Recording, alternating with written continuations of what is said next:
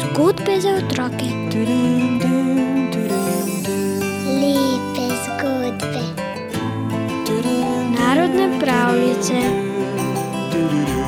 Bere nam jih Juri Sešar. Pozdravljeni, prav lepo, lepo pozdravljeni. Koliko svetlobe bo adventni venček dal danes, s tretjo svečo, svetlobo tretje sveče.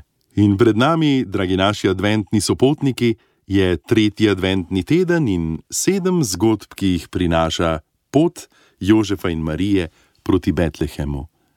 Danes boste spoznali, zakaj osliček ni hotel počivati. Osli, veste, ajaj, so zelo svojevoljna bitja, močni so in vzdržljivi in dobri nosači. Včasih pa se jim preprosto ne ljubi.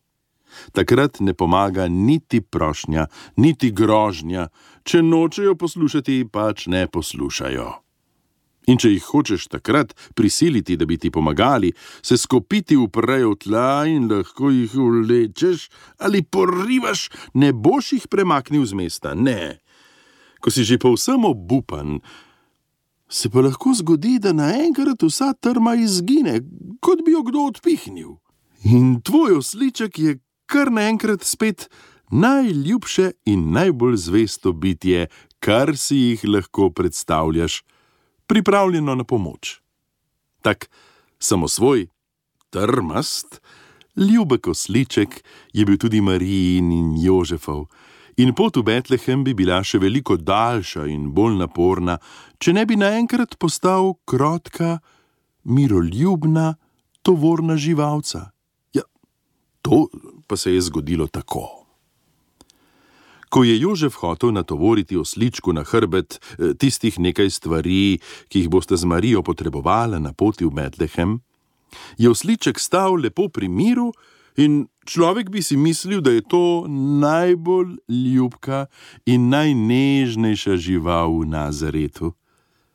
Toda, Ko je Jožef vzel v roke povodec, da bi oslička potegnil naprej, se je ta skopiti naenkrat uprl tla in ni hotel storiti niti koraka.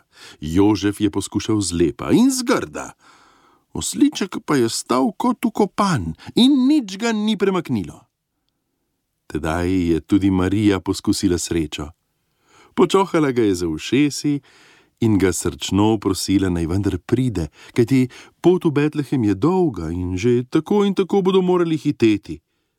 Toda osliček je trmaril, nobena beseda ni zalegla. V tej stiski je vmes posegal angel Gabriel, stopil je k osličku, ne da bi ga videla Marija in Jožef, ter mu rekel: Čisto prav imaš, da nočeš v Betlehem. Saj si tako majhen, in slaboten, da bo pot zate gotovo zelo težka. Poklical bom nekaj angelov. Oni bodo nosili prtljago, ti pa lahko ostaneš tu.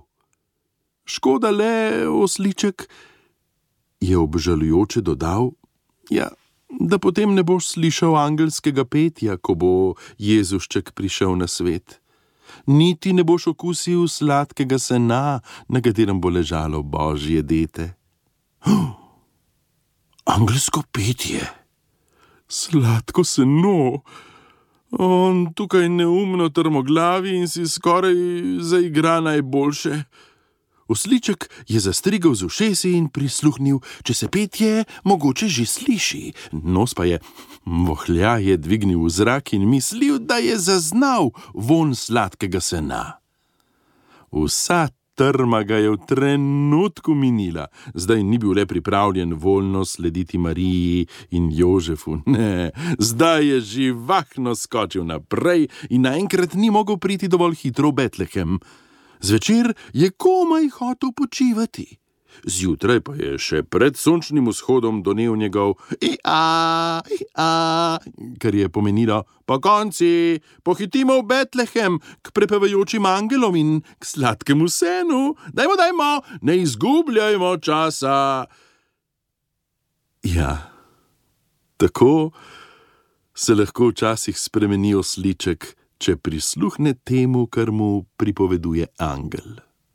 In tako lahko iz naše trme stopimo tudi mi, ki nimamo oslovskih ušes, imamo pa včasih navade osličkov. Lep dan vam želim, res lepo tretjo adventno nedeljo in naj bo v vašem srcu veliko dobrote. Nasvidenje jutri, ko boste izvedeli, kaj je pajek storil za Marijo.